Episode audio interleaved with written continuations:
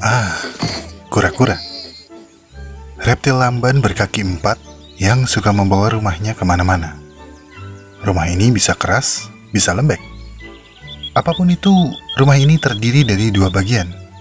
Bagian atas yang menutupi punggung yang disebut karapas, dan bagian bawah yang menutupi dada dan perut yang disebut plastron.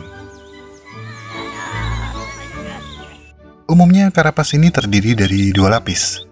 Lapis luar biasanya berupa sisik-sisik besar dan keras yang tersusun seperti genteng, dan lapis bagian dalam yang berupa gabungan beberapa lempeng-lempeng tulang axial skeleton yang tersusun membentuk tempurung. Cangkang kura-kura sebenarnya adalah evolusi unik dari struktur tulang mereka. Tulang belakang, panggul, tulang rusuk, dan tulang lainnya bergabung bersama untuk membentuk semacam exoskeleton reptil. Dan jika pertanyaan ultimate kamu, bisakah kura-kura hidup tanpa cangkang? Jawabannya adalah tidak. Mereka akan mati tanpa cangkang. Seperti channel ini, yang akan mati tanpa ada kamu yang berminat. Mereka termasuk dalam urutan taksonomi Testudinata atau Kelonia, yang berasal dari kata Yunani kelon, yang berarti perisai atau baju besi. Keren ya?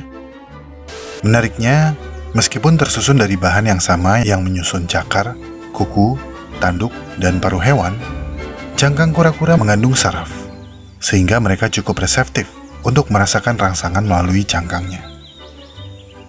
Mereka bisa merasakan tekanan beban pada cangkangnya, atau bahkan belayan kamu.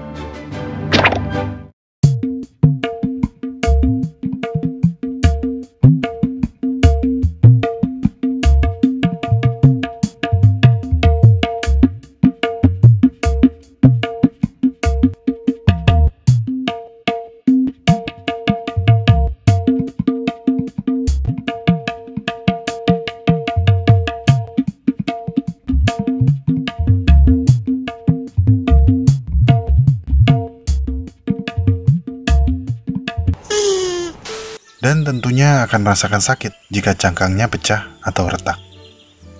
Seperti reptil pada umumnya, kura-kura berdarah dingin, bersisik, menghirup udara, dan bertelur di darat. Tapi sesungguhnya, dalam penggunaannya, istilah kura-kura sebenarnya cukup membingungkan. Yang mana yang harus disebut kura-kura? Apakah penyu bisa disebut kura-kura? Atau ini? Bagaimana dengan yang ini? Lalu ini? Ini? Ini? Semuanya kura-kura. Apakah kita bisa menyebut ini kura-kura? Pertanyaan ini membuat saya mencari tahu lebih banyak tentang reptil bercangkang ini. Dan setelah mencari dan membandingkan beberapa data, saya berlabuh kepada tiga istilah, yakni turtle, tortoise, dan terrapin.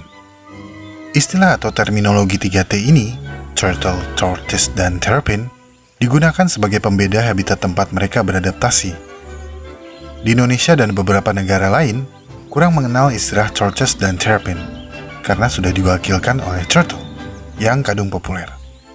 Sementara di negara berbeda, kata turtle berkaitan dengan spesies yang hidup di habitat laut. Terrapin untuk spesies yang hidup di habitat air tawar, dan tortoise adalah spesies yang hidup di darat. Dan istilah tersebut sudah lama digunakan untuk memudahkan pengkategorian hewan ini. Tentu saja ini semua hanya generalisasi. Tergantung di mana reptil bercangkang ini tinggal, istilah-istilah ini bisa berubah atau digunakan dengan cara yang berbeda atau tidak digunakan sama sekali. Semua sah-sah saja. Meski demikian, tidak ada salahnya jika kita tetap lanjut membahas perbedaan umum antara turtle, tortoise, dan terrapin. Karena apa? Karena ekarna dapat mencerahkan pikiran.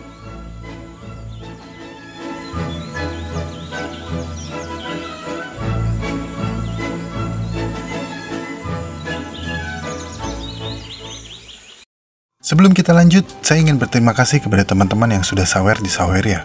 Ali Sadikin, Kecuali Antartika, Dayat Ruhiat, Dewa Kipas KWKWK, Ed Papiket, Rizky Marhendra, Miau, Yukap, Kadek Uu, Bapakku Bapakmu Juga, Kawai Koi, Warga Konoha, Dargombes, I Love You Diana, We Love You Min, Kode Polisi 285, APK TNTAJ, KUD, NBTXX, Selalu Semangat, PewDiePie, K-Strip One, Papoy, dan Redstone Craft GG.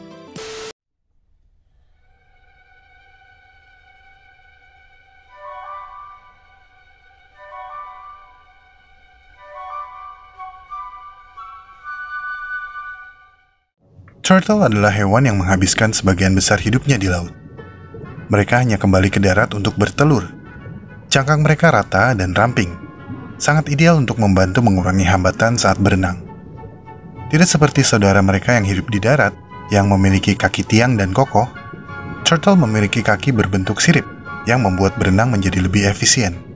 Meskipun ini sebenarnya membuat berjalan di darat jauh lebih sulit. Di Indonesia kita menyebut mereka penyu.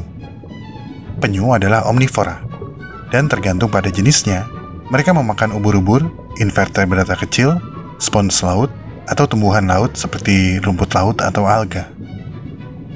Ada tujuh spesies penyu di dunia, enam di antaranya hidup di Indonesia. Penyu hijau, penyu sisik, penyu kempi, penyu lekang, penyu belimbing, penyu pipih, dan penyu tempayan. Penyu bisa tumbuh hingga ukuran besar, Spesies terbesar adalah penyu belimbing atau leatherback. Mereka tidak memiliki cangkang keras seperti penyu lain. Sebaliknya, karapas mereka digantikan oleh kulit keras. Dan itulah kenapa mereka disebut leatherback, yang berarti punggung kulit. Penyu belimbing dewasa memiliki panjang rata-rata 1 sampai 1,75 meter dan berat antara 250 sampai 700 kg. Sedangkan penyu terkecil di Indonesia adalah penyu lekang dengan berat sekitar 50 kg. Penyu merupakan satwa liar yang hidup sejak jutaan tahun yang lalu dan bertahan hidup hingga sekarang. Mereka bermigrasi ribuan kilometer dari tempat bersarang ke tempat mencari makan. Penyu menghabiskan sebagian besar hidupnya di laut.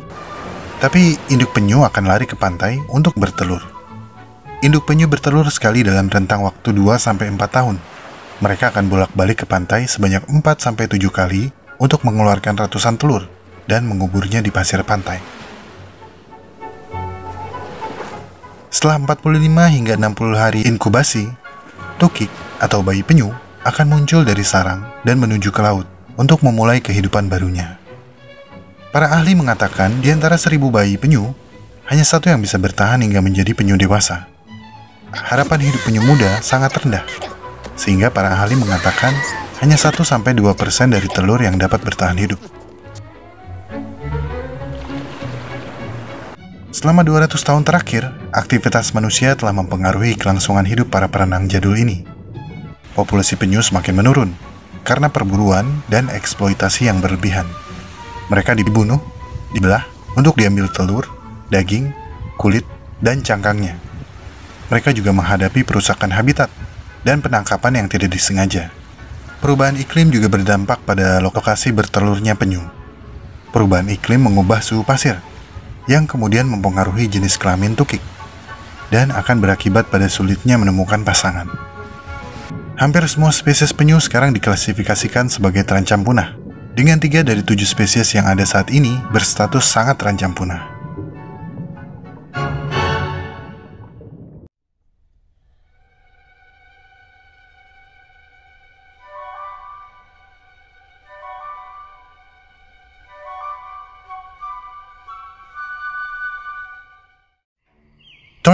Umumnya hidup secara eksklusif di darat, dan biasanya ditemukan di lingkungan yang panas dan kering.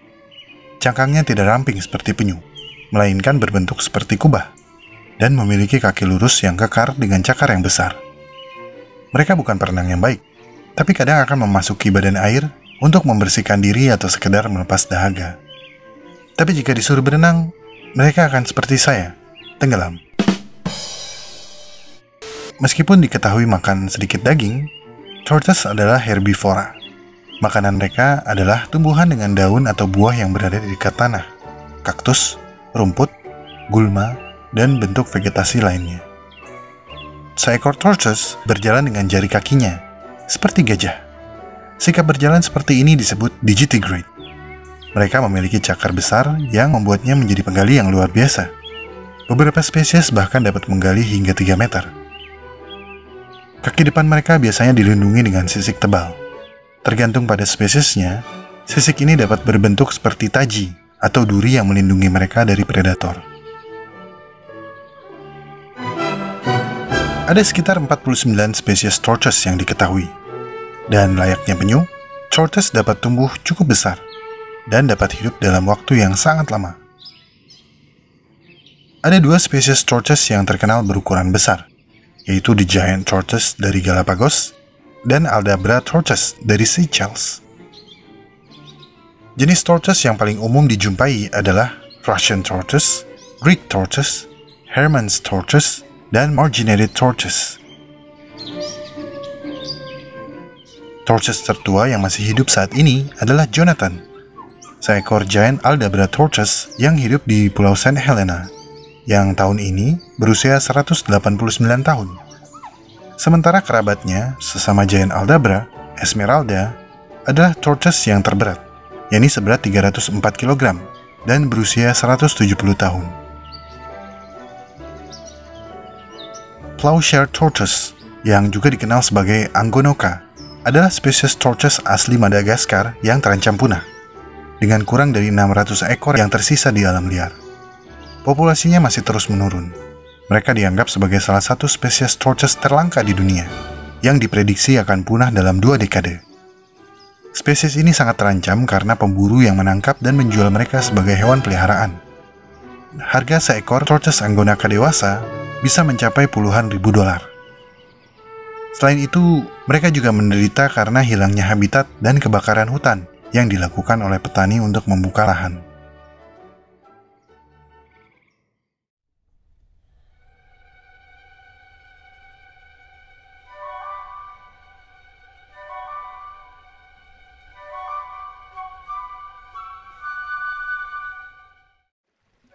Akhirnya kita sampai ke terrapin. Terrapin adalah istilah untuk kura-kura semi-akuatik yang hidup di air tawar atau air payau.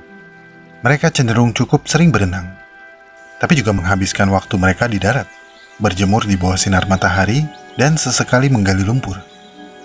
Nama terrapin berasal dari kata torpi, kata dari bahasa Algonquian yang berarti kura-kura kecil. Cangkang keras mereka sedikit ramping, tapi juga agak membulat, membentuk kubah seperti tortoise. Meskipun mereka bisa berenang, mereka tidak memiliki kaki sirip seperti penyu, melainkan kaki yang mirip dengan tortoise yang dilengkapi selaput di antara jari kakinya. Bisa dibilang terrapin seperti perpaduan antara penyu dan tortoise. Salah satu spesies, yaitu red ear terrapin, yang juga disebut kura-kura Brazil, dianggap sebagai salah satu spesies terrapin invasif terburuk di dunia. Mereka adalah hewan peliharaan populer yang sering kali melarikan diri atau dilepaskan ke alam liar dan mereka membawa dampak buruk pada ekosistem yang mereka tempati karena memiliki keunggulan tertentu dibandingkan hewan endemik. Terpin bersifat omnivora dan makanannya dapat terdiri dari moluska, ikan kecil, krustasea, serangga, alga, dan tumbuhan air lainnya. At the end oh, I take it all back. This turtle is mental. Tidak seperti penyu dan tortoise, terpin berukuran relatif kecil namun, ada beberapa spesies terapin raksasa yang diketahui, seperti snapping turtle, yang bisa tumbuh hingga lebih dari 60 cm dan berat hingga lebih dari 80 kg. Terapin bersifat agresif dan akan menggigit jika merasa terancam. Mereka memiliki cakar yang cukup tajam dan rahang yang kuat. Meskipun mereka tidak memiliki gigi, mereka dapat dengan mudah melepaskan jari kamu dengan satu gigitan mereka akan menyerang tanpa peringatan. Namun beberapa spesies dapat berteriak sebelum menyerang.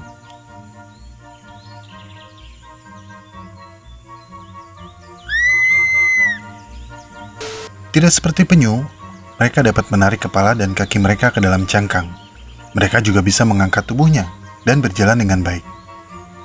Dan tidak seperti tortoise, terrapin memiliki sikap berjalan plantigrade, yaitu dengan telapak kaki dan tumit menyentuh tanah.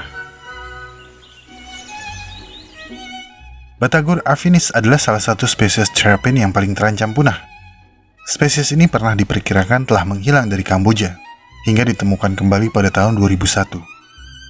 Karena hal tersebut, para konservasionis akhirnya mulai menandai mereka dengan alat pelacak dan memantau sarang mereka. Dan Raja Norodom Sihamoni secara pribadi memerintahkan perlindungan mereka. Penyebab utama penurunan populasi mereka adalah manusia – Telur Batagor afinis merupakan kuliner unik dari masakan kerajaan Kamboja. Pada tahun 2005, mereka ditetapkan sebagai reptil nasional Kamboja dalam upaya meningkatkan kesadaran dan konservasi spesies ini. Pada Juli tahun 2015, ahli konservasi di Kamboja menyatakan bahwa upaya mereka untuk mengembalikan spesies ini dari ambang kepunahan telah berhasil. Sejumlah spesies, termasuk pasangan yang berkembang biak, telah dipindahkan dari penangkaran ke tempat asal mereka. Ada satu lagi kelompok kura-kura air tawar lainnya yang sebenarnya terpecah antara masuk ke turtle atau ke terpin. Tapi supaya lebih aman, kita pisahkan saja. Kura-kura air tawar ini dikenal sebagai penyu cangkang lunak.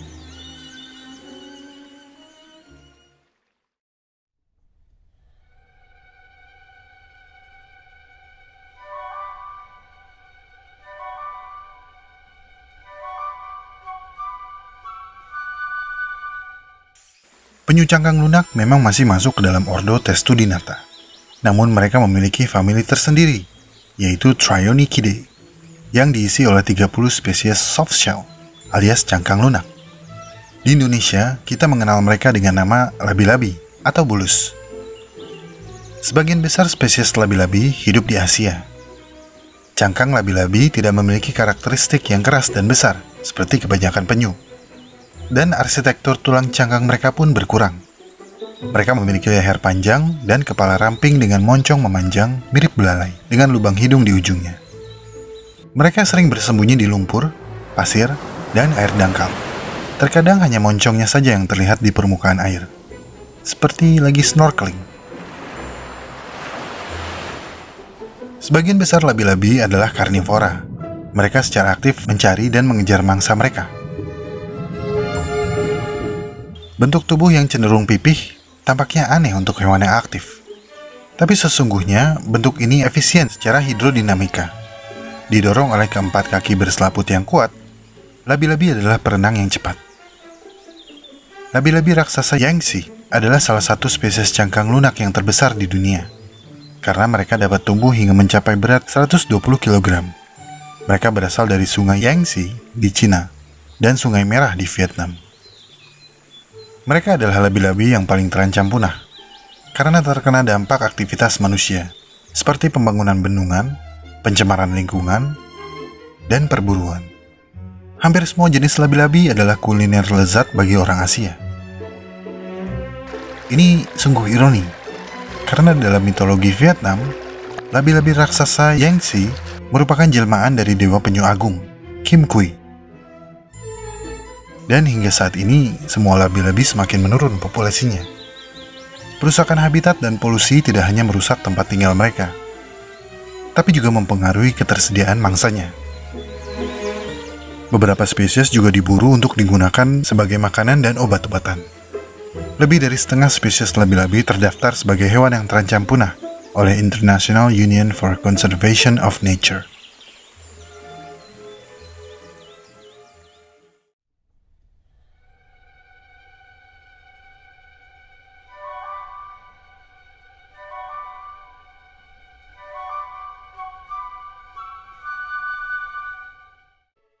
Sekuat apa pun cangkang mereka, secepat apa pun mereka berenang, kelebihan tersebut harus hancur di tangan manusia. Setelah jutaan tahun mereka lalui, akankah mereka bisa hidup jutaan tahun lagi? Dunia tanpa kura-kura memang masih akan berjalan, tapi tentunya tidak akan terasa sama jika mereka sampai punah. Ada sesuatu yang hilang.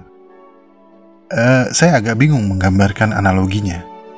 Mungkin ibarat Dufan tanpa biang lala tetap fun, tapi terasa kurang lengkap.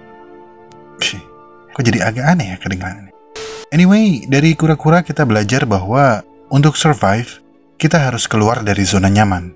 Kura-kura memang selalu membawa rumah mereka, tapi mereka tidak selalu berdiam diri di dalam rumah. Mereka kadang berjalan jauh, berenang, dan bertarung untuk bertahan hidup. Umur, rejeki, dan jodoh memang sudah ditakdirkan oleh Tuhan. Tapi kalau kita nggak keluar rumah, gimana bisa mendapat itu semua? Eh, bisa sih. Kan sekarang semua serba online. Uh, maksud saya, metafora gitu. Seperti yang Master Uguay pernah bilang. Jika kamu hanya melakukan apa yang bisa kamu lakukan, kamu nggak akan pernah bisa menjadi lebih dari kamu yang sekarang.